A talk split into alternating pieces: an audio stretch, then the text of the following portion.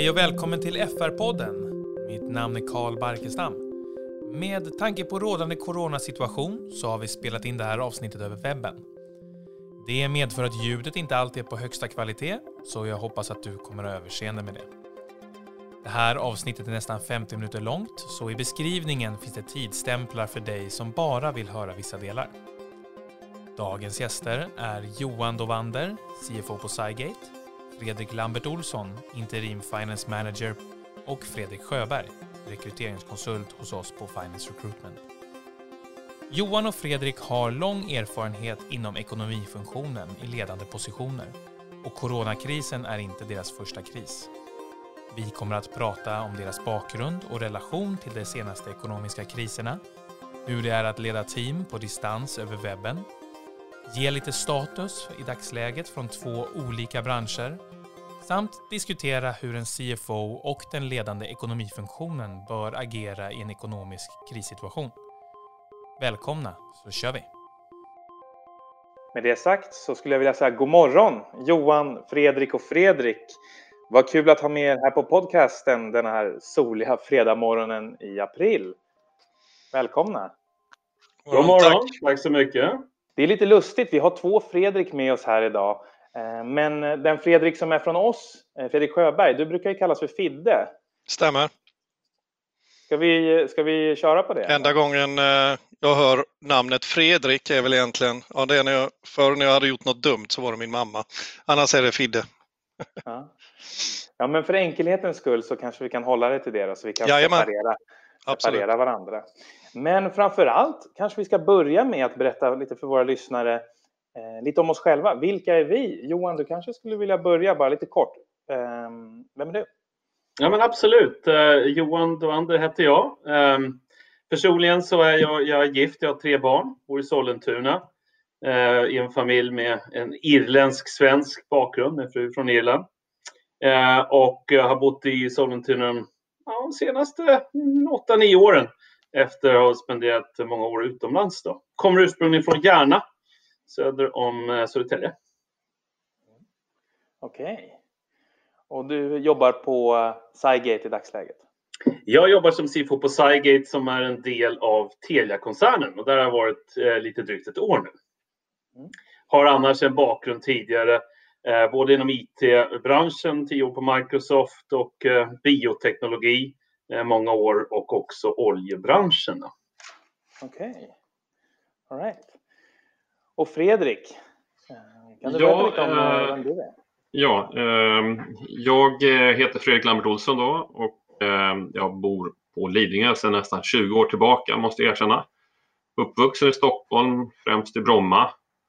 Eh, Rötter i Blekinge bland annat där jag har landställe och varit eh, typ varje sommar i mitt liv. Åtminstone en del av sommaren. Eh, jag är eh, för närvarande en sorts konsult inom ekonomistyrning på den svenska delen av Outokumpu. Och det undrar alla vad det är för någonting, men det är alltså ett finskt bolag eh, eh som tillverkar så här rostfritt specialstål. Att mixa ihop med vanligt byggstål. Min, min, min CFO-bakgrund är främst från, kan man säga, ett instrumentbolag som såldes i två omgångar bland annat till ett PE-bolag och senare till ett life science-bolag, amerikanskt bolag. Och innan dess har jag ganska lång erfarenhet inom Atlas Copco och även jobbat på EF Education. Jag har också lite, varit i lite olika branscher kan man säga. Mm. All right. Ja. Och eh, Fidde, vem är du? Ja, Fidde eller Fredrik Sjöberg. Eh, jobbat som eh, rekryteringskonsult i 13 år och då under alla 13 år mot eh, främst ekonomi och finansroller kommer, har bott i Stockholm nu i 20 år. Eh, är från Eksjö i Småland från första början. Eh, men eh, jag är gift, två barn. Har en bakgrund innan jag började på rekrytering eh, inom just ekonomi. Så att jag var väldigt, om ni har bytt mycket branscher så har jag, eh, var jag väldigt fast i min. Den, en av dem som har det lite tufft nu kanske inom hotell och restaurang. Så att jag var på de stora kedjorna som First Hotels, Choice Hotels och så vidare som business controller för främst restaurangdelarna då i Norden. Eh, även suttit som ekonomichef på ett konferensbolag här i eh, Stockholm och så vidare. Så att därav blev det ett enkelt val att fortsätta rekrytera, när jag ville mot rekrytering och jobba inom eh, just den delen. Eftersom man hade i alla fall lite hum om det kanske efter åren. En grej som jag såg när jag stakade era LinkedIns, Fredrik och Johan, det är att ni båda kommer från Handelshögskolan och ni gick lite som, man säga, ditt an. När den ena mm. examinerades så började den andra. Alltså, okej. Okay. när, var, när var du där, eh, Fredrik? Ja, eh, jag skrevs in 89 men gjorde faktiskt ett break redan efter första terminen otroligt nog för att göra, en, den, den, uh, göra värnplikten i Boden. Jag blev borta ett tag och sen så kom jag tillbaka och sen slutförde jag ganska rask takt studierna. Men jag hann faktiskt med en, liten, en kortis på teknis uh, också. Mm. Ja, ja, ser man på. Men då var det mm. förmodligen så att du slutade när jag började 94. Någonting eh, ja. där låter ja. så. Så ung är du. Så, ja, precis. Ja. Man känner ju sig inte alltid lika ung, men, det, mm. men allting är relativt, eller hur? Ja, ja precis. Nej, men faktum är att eh, när jag började på Handels så var det ju då bara ljusa moln på himlen 89. De hade gjort klart den här eh, delen på Saltmätargatan. När jag kom tillbaka så att säga, någon gång 91, ja, det var, man kände på sig att någonting höll på att hända och sen så kom ju den här fastighetskrisen kan man säga. Och sen i sin tur ledde det till allt möjligt pris för hela svenska modellen under halva första delen av 90-talet. Men, men det, det, märktes på hur, eh, ja, hur lärarna betedde sig i, i, i föreläsningarna och så vidare. Och i föreläsningarna. Ja, okay ja den, den krisen missade jag lite grann. Jag kommer ihåg med 90-talet utifrån att det var väldigt turbulent i Östeuropa. Jag var student eh, också, gick, gick Torskolan, läste ryska nämligen och sen spenderade jag lite tid däröver och det var en väldigt turbulent period. Och sen när jag kom tillbaka och började läsa på Handels så kom ju sedermera hela den här dotcom-boomen, slutet på, på 90-talet. Så jag någonstans började, började med professionella bana där. Och där, där, där gick det ju väldigt snabbt där ute på marknaden. Det var mycket som hände. Det gick upp och det gick, gick ner. Så att en spännande tidsperiod att börja sin professionella bana var det. Absolut. Jag kan knyta an lite där att när, när jag sen bytte från Atlas till EF Education så anledningen till det var att jag, jag blev en sorts divisionscontroller för ett affärsområde som heter English First. Som alltså hade sina stora första marknader i, i bland Ryssland och Indonesien och just Ryssland hade ju då drabbats av en, en, en rubelkursnedsättning på en faktor 6 jämfört med när det, började, när det sattes igång då i början på mitten på 90-talet. Så att det var ett kris va? och det ledde så småningom till att ja, jag var med och, och, gjorde en analys på att nej, nu ska vi fokusera på Kina istället. Att, eh, Indonesien och Ryssland som hade varit kassakor för den delen blev ja, den liksom nedtonade. Så kan man säga. Mm. Spännande! Ja, precis. Det är lustigt där, för ni, vi börjar med att prata om fastighetskrisen på 90-talet och sen så har vi ju dotcom som sker runt 2000 och sen så kommer det igen där 2008, Lehman Brothers. Vart var ni då? Ja, jag kan berätta lite grann om uh, um, både egentligen 2000-perioden och 2008 för jag tycker att de, de, de har båda någonting intressant i sig att, att saker och ting påverkas drastiskt både upp och, och ner. I 2000 så, så jobbade jag på ett eh, pre-IPO software startup Inledningen på, på dotcom-boomen, eh, boomen, otroligt positivt, stora investeringar, man skulle gå väldigt snabbt. Men lite för snabbt och, och när någonstans kostnaderna skenade iväg och inte intäkterna fanns där så kom vi till ett helt annat läge, bara egentligen på väldigt, väldigt kort tid. Där det handlade istället om att se, men vänta nu, vilka räkningar skulle vi inte betala? Vilka skulle vi skjuta på? Var var vi tvungna att säga upp eh, individer så att säga? Det blev fokus på, på revenue recognition och, och säkerställa att liksom räkenskapet var rätt. Så att otroligt turbulent. Så att eh, eh bara på väldigt kort tid till att driva tillväxt till att sen managera ett helt annat scenario. 20, 2008 eh, jag eh, på, på Microsoft i Irland ansvarig för kredithantering för EMEA på, på ett antal olika kund, kundportföljer. Och eh, det var en ganska, ganska svår tid för många av våra, våra kunder då och, och betala och framförallt i partnerledet som är väldigt beroende av att stora kunder också betalar. Och när de inte kunde betala, plus att valutan skenade iväg när det fakturerades till lokalvaluta men de fick fakturer i dollar, blev det en väldigt, väldigt svår situation att, att managera. Och där försökte vi någonstans i den, i, i den cykeln hjälpa våra partners och återförsäljarledet hur man kunde hantera den situationen Eh, med betalningsplaner, titta på, på, på currency hedging och så vidare. Eh, så, så ett, ett, ett, annat typ av, av scenario. Nu är corona igen, vi kommer tillbaka till det, men, men det är igen någonting väldigt annorlunda. Men, men någonstans tillsammans med kreditperioden eller kreditutmaningen i, i 2008 en otroligt stor osäkerhet. Jag upplever dock att den är större nu än den var eh, då.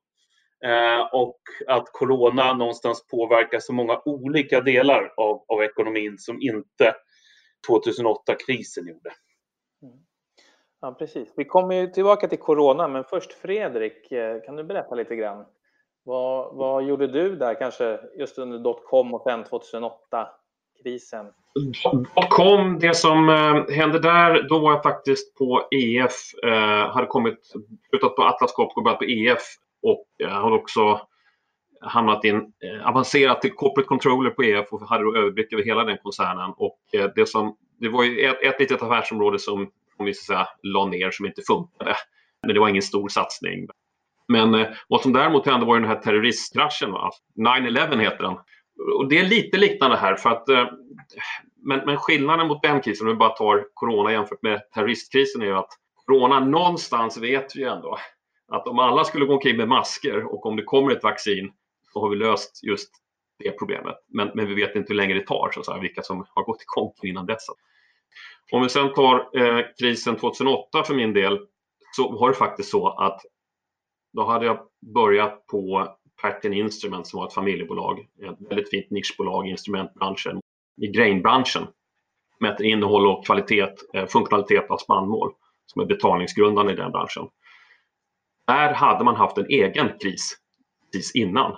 Och hade man haft den ett år senare, ja, då vet man inte riktigt hur det ägandeskapet skulle sett ut. Men, men i princip hade man ju då, och det var ju i högkonjunkturen 2007, köpt ett bolag i Australien där gamla ägaren var kvar och hade tömt orderboken. Man hade satsat på väldigt, nya, väldigt mycket utveckling, nya instrument som naturligtvis behövde trimmas in, vilket bland annat gjorde att vi satt med jättestora kundfordringar på stora amerikanska processbolag.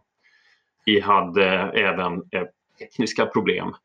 vi hade flera eh, och flera anställda, så att vi hade liksom en egenskapad eh, liten likviditetskris det, det, känns nästan som att den här, de här kriserna uppstår lite grann.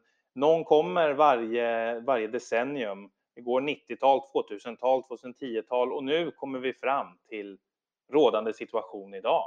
Coronakrisen 2019-20 som, vad ska vi säga, tagit alla med storm och just nu så är vi väl mitt uppe i den här situationen och försöker hantera den. Ehm, vi börjar, slänger ut frågan där. Hur, hur har det påverkat ert sätt att arbeta? Johan, du kanske vill börja?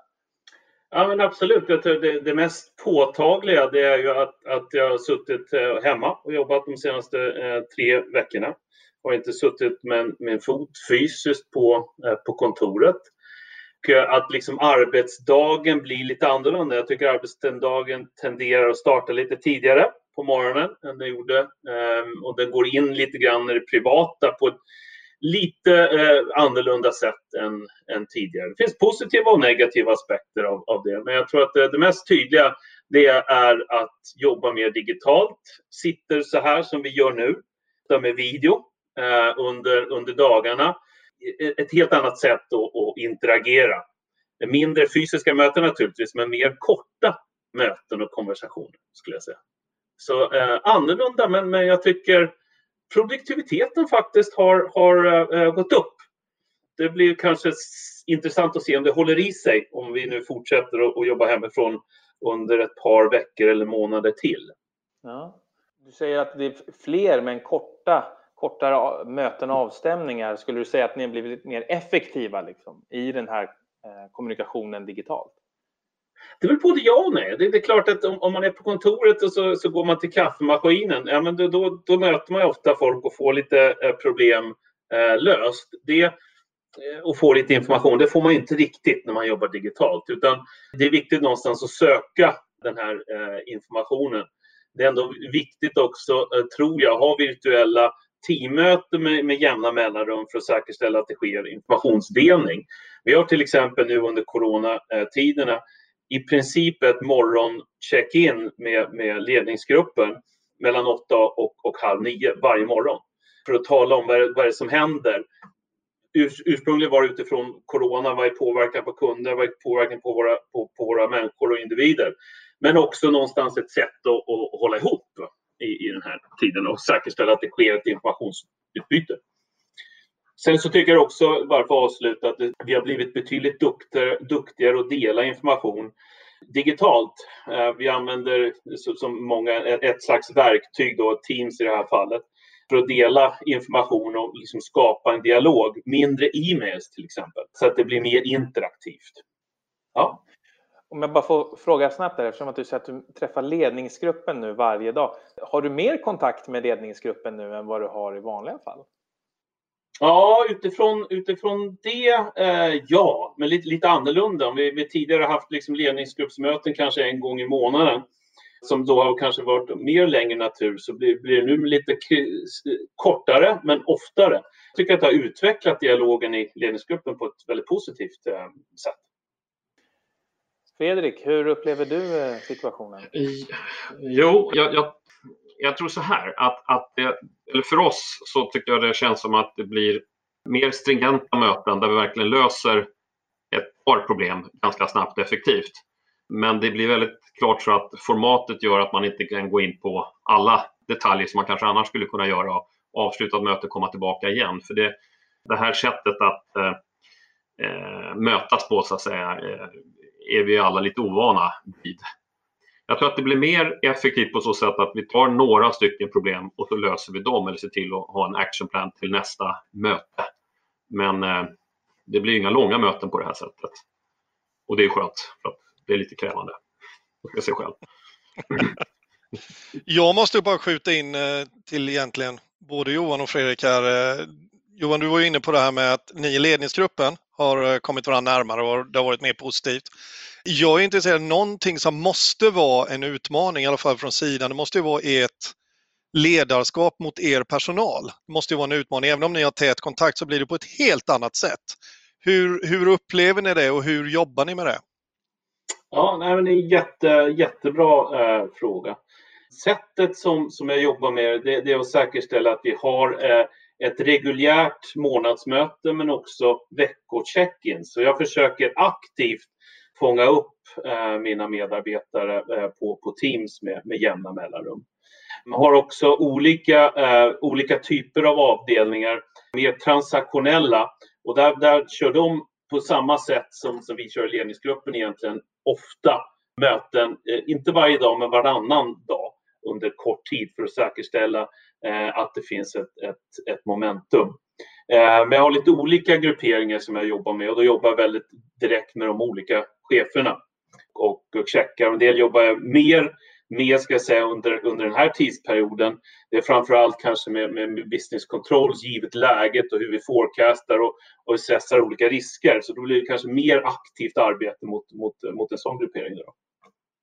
Jag måste också säga att det, även, det blir ganska många långa telefonsamtal utanför det här för också. Så det är inte bara, bara Skype och eh, det blir ganska mycket. Och det känner man faktiskt att det kan vara skönt att, att ha sådana också. Mm. Telefonen är inte död än. Nej, jag, jag, noterar lite intressant att när man har lite olika kommunikationskanaler. Jag sitter i Teams, jag sitter i Skype och sitter på telefonen så kommer de, ibland kommer alla de där samtidigt. Så det är lite ja. spännande. Men jag tycker en, en liten reflektion som, som, eh, som jag tycker det här eh, har bidragit till. Jag har aldrig använt videon eh, så mycket i Teams och Skype som, som tidigare. Tidigare så, så, så kände jag mig nog lite okomfortabel när man körde bara på telefon. Men det har liksom spritt en kultur att alla faktiskt slår på videon. Och det tror jag är superviktigt, just när man inte annars ser varandra. Så det tycker jag är liksom en riktig ögonöppnare. Liksom videofunktionaliteten, och den funkar, den, den är bra. Ja, jag kan faktiskt skjuta in där. Du kan ju tänka dig den eh, verksamheten vi sitter med. Jag har alltid gått på det här att mycket är in person och man ska träffas face to face och ja, men liksom att man får en känsla av det. Men jag håller med dig Johan, jag tycker det har funkat eh, så här långt otroligt väl. Verkligen. Så att det, det är nog en ögonöppnare för mig också faktiskt. Att eh, det går ja, det, att överbrygga. Det vara intressant för i, just i rekryteringsbranschen eh, så är det ofta så att det handlar om det fysiska mötet. Exakt. I alla fall om man är i samma land. Även om du kanske mot, rekryterar mot folk i andra länder, då, ju, då får man liksom hitta Skype. Men det här kanske öppnar upp mer för att köra den här typen av intervjuer.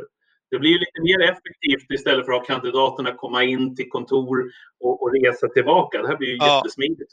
Ja, på så vis är det, om man ska se något positivt med det, så är det ju så att vi kan genomföra fler intervjuer nu eh, och det är lättare att få tag på kandidater. Och så. Den stora utmaningen är ju i en process att en kandidat när den ska välja en arbetsplats så vill ju den fysiskt ha träffat sin chef, den vill ju ha sett lokalerna och få en känsla där.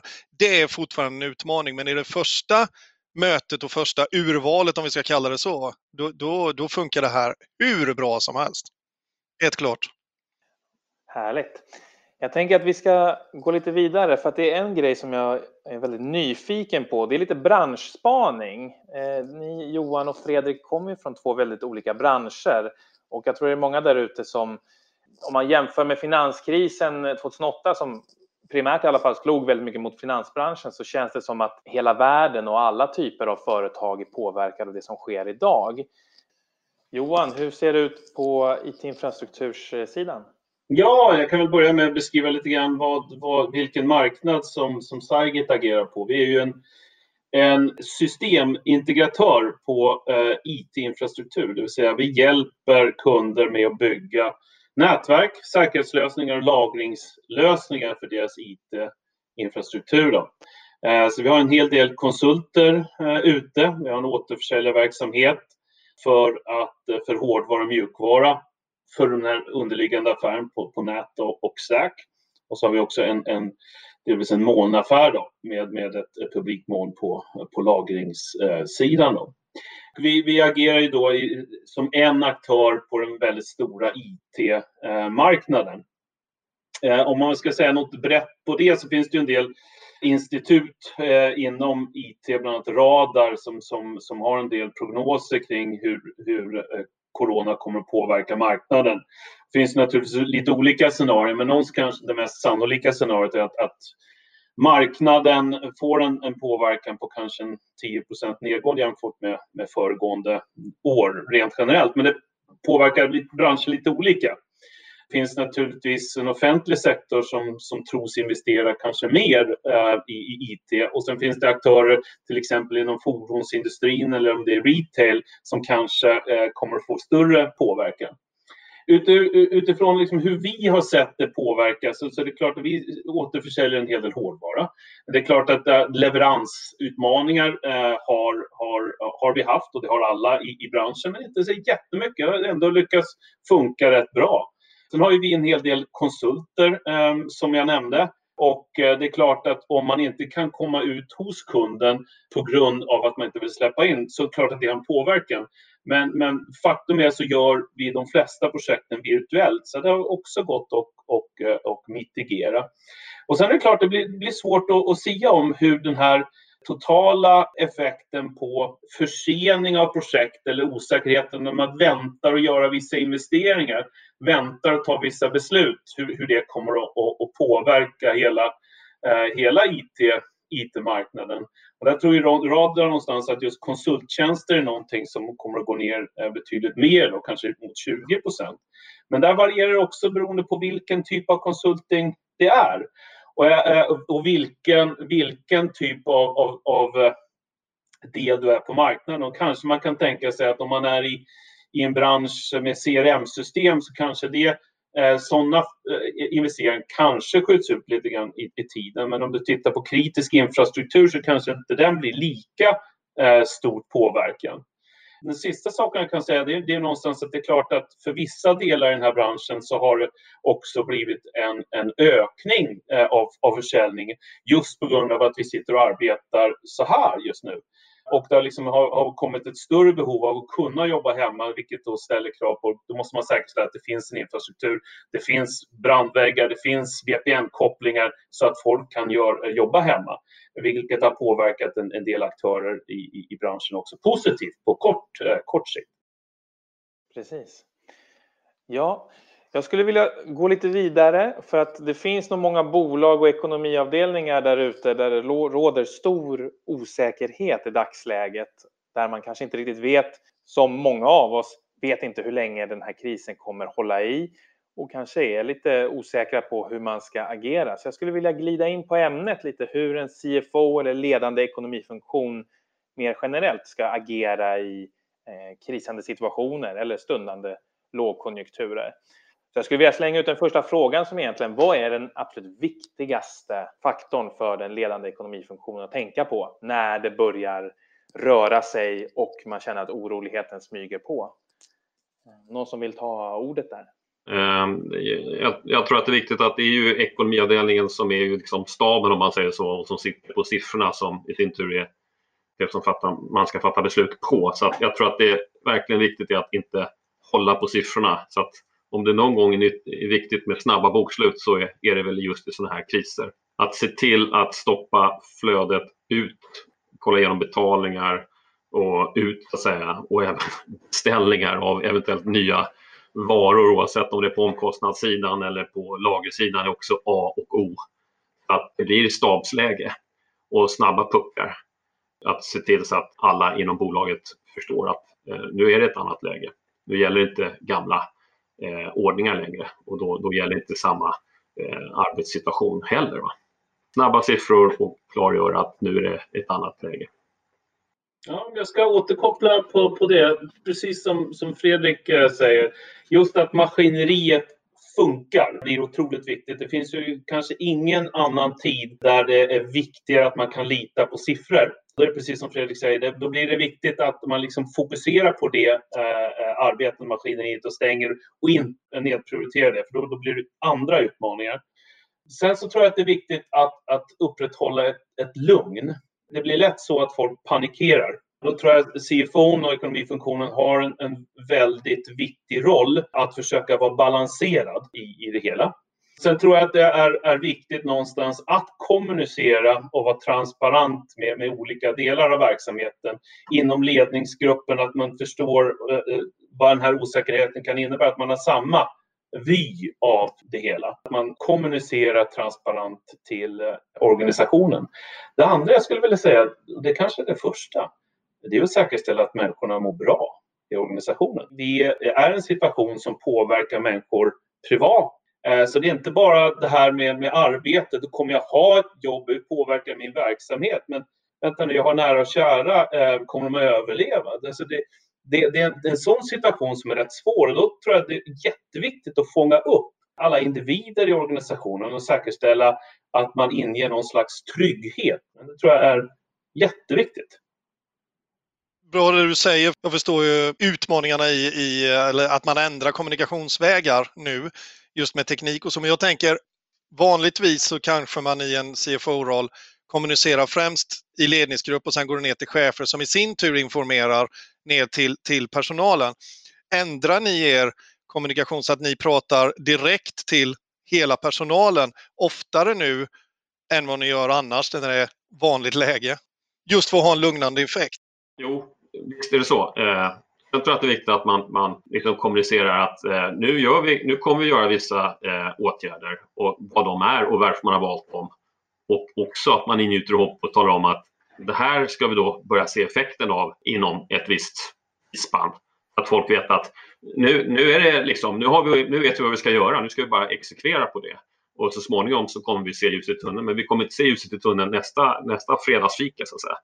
Utan, eh, och business as usual där så är möjligt. Men samtidigt vet ju alla, och man ska inte underskatta den draghjälp man kan få från alla medarbetare som sitter även långt från direktionsrummen att påverka någonting.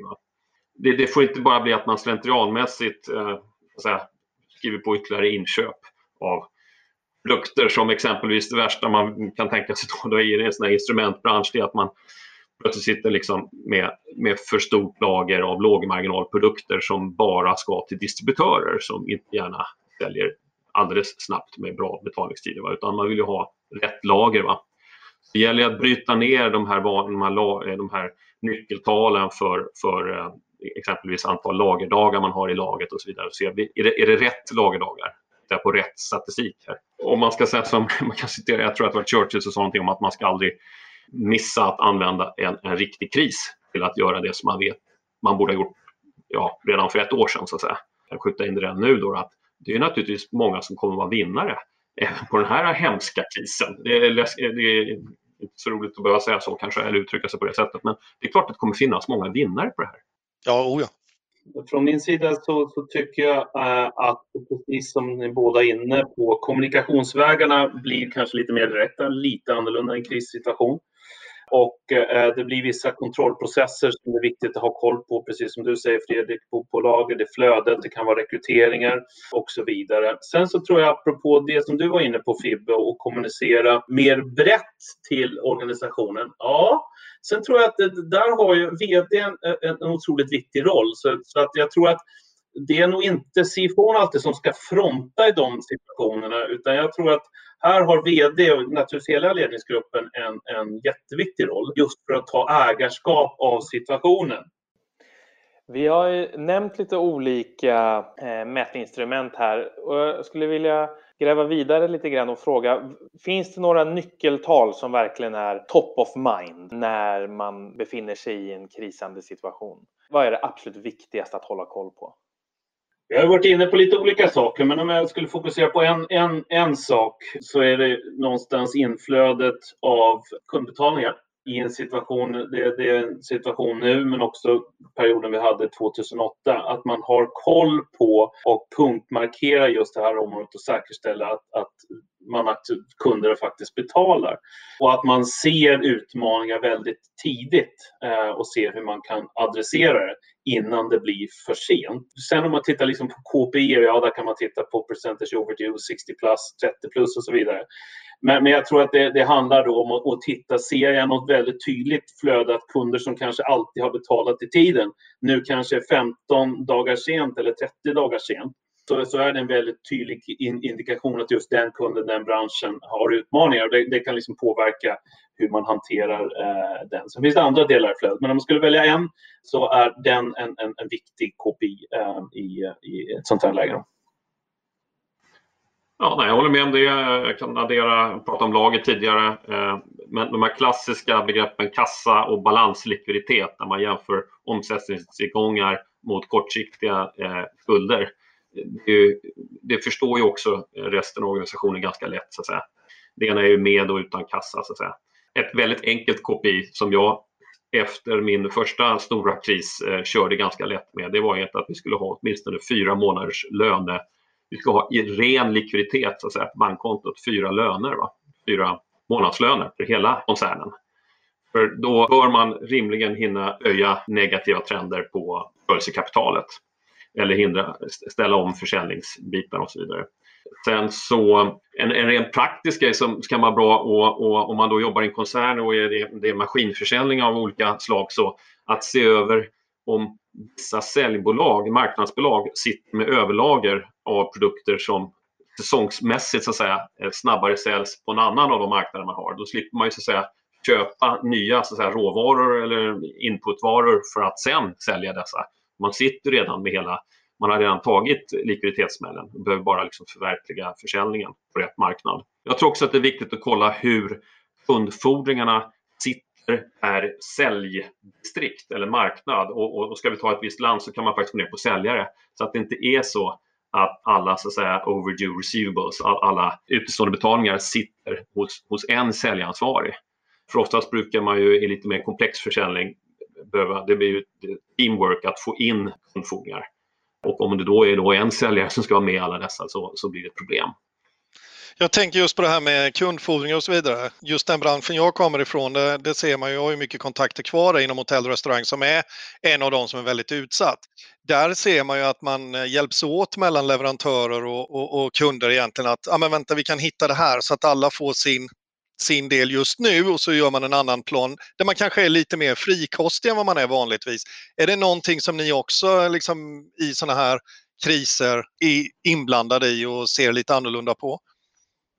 Ja, men eh, det, det, tror jag absolut. Eh, för någonstans så, så är ju varje bolag eh, en del av en kedja Eh, där man köper någonting och så säljer man någonting. Och det finns ju tre, tre olika parter minst i den här transaktionen. Så det tror jag är rätt, eh, rätt normalt. Om jag ska relatera till ett, ett, eh, ett tidigare exempel, jag var inne på det lite tidigare. Men om du, så i IT-branschen så finns det ofta ett, ett par större tillverkare så kanske det finns återförsäljare eller integratörer eller konsulter och så finns det, finns det kunder. Och eh, då, eh, i alla fall i den situationen som jag var tidigare när jag jobbade 2008, där just partnerkanalen blev väldigt påverkad av att kunder inte betalade.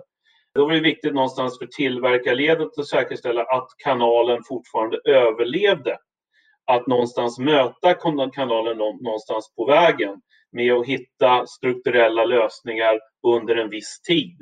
Eh, om det, det, kanske är för, för länge eller skapa betalningsplaner, eh, lite längre betalningsterminer och så vidare. Så, så länge som det gör liksom på ett strukturerat sätt och proaktivt, då tror jag man kan hitta, hitta lösningar den, den vägen. Och det gäller också lite grann i, i um, situationen där du har att hantera olika, olika valutor. Därför att i, i, i vår, vår bransch är det ofta så att vi köper in någonting i en valuta så säljer vi någonting i, i en annan. Och i tider som nu så, så sker en väldigt stor fluktuation på, på valutan med, med osäkerhet och det påverkar ju alla valutor rätt mycket, men speciellt eh, kronan. Och det är viktigt att man förstår de, de effekterna och också försöker adressera dem på lite olika sätt. Ibland också i dialog med, med, med kunder. Va? Om man vill titta på, på prissättning och justera Eh, prissättning, båda vägar och mot leverantörer. Just för att säkerställa att, vänta nu, det är inte samma situation som det var igår. Vi måste alla någonstans hitta, hitta ett sätt att managera i, i den här situationen. Och då kan alla behöva ge och ta lite grann. Okej, okay. det finns... Ja, för nej, förlåt. Nej, jag, jag kan hoppa i, i samband med nyckeltal och addera en sak som jag kan, kan, som kanske kan vara viktigt för några av mina kollegor där ute i världen. Att hålla koll på kovenanterna som inte sällan kan inne, innefatta 12 månaders rullande värden som måste här, uppnås. Det skulle exempelvis kunna vara kassaflöde. Så, så det räcker inte att man ser att ja, kassaflödet är i och för sig negativt men vi har en bra likviditet nu. Men om man så att säga, på 12 månaders basis hade en väldigt starkt kassaflöde så här, ett annat verksamhetsår och man ser att man börjar förbyta de här månaderna med ett starkt negativt kassaflöde även om man har god likviditet, så kommer man så småningom komma till en, en nivå där man liksom ligger där man inte levererar på kassaflödeskonvenanten. Och då är det klart att en, en bank som inte kan en, en, speciell nischbransch börjar bli lite osäker då om hela tiden kassaflödet har följt ebita eller vad det nu är för lönsamhetsmått man följer. Så, så, så, börjar de ju fundera lite grann på hur pass, eh, hur pass långt är det kvar innan det blir en likviditetskris. Och det där gäller att man även lyckas kommunicera till eh, övriga medlemmar i ledningsgruppen så att säga att eh, det måste komma cash in. Ja, det där tror jag är otroligt viktigt. Det är klart att det där påverkar branscher eh, väldigt olika. Men det är klart att i vissa branscher som man ser nu så finns det ju ingen likviditet in överhuvudtaget. Och det är klart att då, då är det ju en helt annan situation och då är det precis som Fredrik är inne på. Vänta nu, hur, hur länge, vad, vad har jag för, för cash? Behöver jag titta över min, min, min, min kreditsituation? Eh, Behöver jag ta in mer kapital? Jag går och tittar mot bankerna. Har, har jag pengar så att säga till att betala löpande eh, utgifter? Det var liknande också när jag eh, jobbade på det här eh, pre-IPO startupbolaget till dotcom-boomen. Jag lärde mig väldigt tidigt cash burn rate, väldigt, väldigt viktigt begrepp. Men, men det är precis det det handlar om. Vad, vad har vi för löpande utgifter och saker som måste ut och betalas? Och eh, det är viktigt att ha koll på dem om det inte är någonting som kommer in. Då. Okej, ja, men vad bra. Jag är lite eh, eh, medveten om er tid, så jag vill inte att vi drar ut på tiden. Så jag tänker att vi ska ta det här vidare Vi pratar om organisationer och om roller. Men för er själva i era ledande positioner, vilka verktyg använder ni för att behålla lugnet och inte dras med i hastiga beslut eller i den här panikstämningen som kanske uppkommer när det både är finansiella problem, men också som kanske i dagsläget att det finns en sjukdom där ute som alla är rädda för. Hur, vad, hur, vad gör ert sätt att behålla lugnet? Någon som känner sig manad? Det blev, det blev tyst. tyst. jättebra, jättebra och svår fråga. Jag, eh, alltså jag, jag kommer ihåg krisen 91 då. Jag tror Nyckeln var det bolaget som hette som plötsligt gick i konkurs. Fastighetsbolag. Jag, jag tror jag har varit med om så många kriser nu så att jag, jag liksom sett det förut. Jag, jag känner väl lite det på det. Det finns ju en del människor i för som är födda på 90-talet, höll jag på att säga. Men som, det här är deras första kris. Va? Eh, jag tror ju faktiskt att vi kommer att överleva det här också. Jag sa ju det tidigare. Och det kommer att finnas vinnare på det här. Det kommer att finnas vinnare på det här. Och alla vet ju att nu har det varit tio goda år, bra valutakurser, det var någon Greklandskris där eh, lite efter finanskrisen. Va? Men jag kan ju också tycka lite grann så att de som inte har byggt upp en liten buffert nu, därför att eh, det är klart att det blir kommer kriser av något slag. Det behöver inte alltid vara sådana här kriser, men ni kommer ihåg det var ett askmoln över Island plötsligt. Det var Greklandskris som jag nämnde också. Om man agerar smart och är, är, lite kall så, så kan man se till att bli vinnare i det här läget. Och det, det gäller väl att förmedla det, att man är en vinnare till sina, till sina kära medarbetare. Mm. Ja, men jag, jag, jag, jag, också lite grann inne på Fredriks eh, bana. Kriser kommer, kriser går. Så är det eh, lite grann. Och eh, det, det, är klart att då hjälper det att ha varit med om någon tidigare för att behålla ett, ett lugn. Jag skulle också säga någonstans att precis som det här skapar vinnare också så tror jag att det är en, en, ett tillfälle till att lära sig någonting nytt. Jag tror man får vara ödmjuk för situationen. Jag tycker att jag lär mig saker varje dag. Och även om det här är en kris och det har funnits tidigare så så är de lite olika. Jag tror att det finns en, eh, en möjlighet att lära sig att vara liksom ödmjuk eh, kring, kring det. Förhoppningsvis så kan man använda det eh, senare då. Det är liksom ett, ett sätt att se på det. Sen så tror jag också att man får ta varje dag en ny dag med, med möjligheter. Och eh, saker och ting kan också ändra sig snabbt. Så att jag tror att försöka behålla lugnet och inte tänka ut allt för mycket flera år eh, framöver, för då kan det också bli jobbigt. Mm. Och det, och det är också väldigt viktigt för en VD så att, säga, att man inte slänger ut ett viktigt framtida projekt, säg ett utvecklingsprojekt som man vet att det här kommer man gynnas av, bara för att snabbt visa att man gör något till en nervös styrelse eller för den delen ett eh, private equity-bolag. För det finns oftast andra saker man kan göra. Det kan vara att man länge väntat på att göra en sån här omorganisation och där kommer jag tillbaka till eh, Churchills lilla talesätt att använd, eh, använd krisen till att göra det som du kanske borde ha gjort för ett tag sedan. Så att säga. Exakt, precis, eh, precis så. Det är, ibland är det alldeles för enkelt att dra på alla stoppklossar någonstans. Då, då tror jag man missar en, en, en möjlighet. Och eh, som sagt, det kommer en tid efter. Det här kan vara en, en situation eh, att vrida om vissa delar som man har velat titta på tidigare och nu faktiskt göra det. Eh, och att man inte drar ner på allt utan fortsätter och investera på vissa delar som man väljer att göra. För att dra ner på allt i en sån här situation, det, det kommer nog bara göra värre efteråt också. Nu närmar vi oss tiden, men lite avrundningsvis så skulle jag vilja ställa en fråga till vardera av er. Vi kan börja med Johan. Du sitter nu som CFO på ett stort eh, IT-bolag. Om du skulle ge ett tips till någon som känner att ja, men din väg verkar intressant. Hur gjorde du för att komma dit du är idag? Och vad skulle du rekommendera någon som vill göra något liknande som du att göra? Ja, um, lite olika uh, tips. Jag har haft uh, förmånen att jobba uh, som Fredrik lite olika branscher. Jag har haft förmånen att jobba i fem, sex olika länder. Eh, också i olika roller testa på både det här med business controls och redovisning, kredithantering och, och system och, och BI-system. Jag, jag, tror att få, få en bredd i det hela tycker jag alltid varit, varit intressant. Eh, jag hade inte som, som mål när jag var 20 jag skulle bli CFO utan det har blivit mer en naturlig utveckling. Man har, har lärt sig inom de här olika områdena. Men, men jag vurmar ju fortfarande just för att te testa det här och, och jobba internationellt. Jag, jag, tror att det är otroligt eh, spännande. Det kommer jag alltid att, säga. Jag mitt första jobb, mitt riktiga jobb utomlands.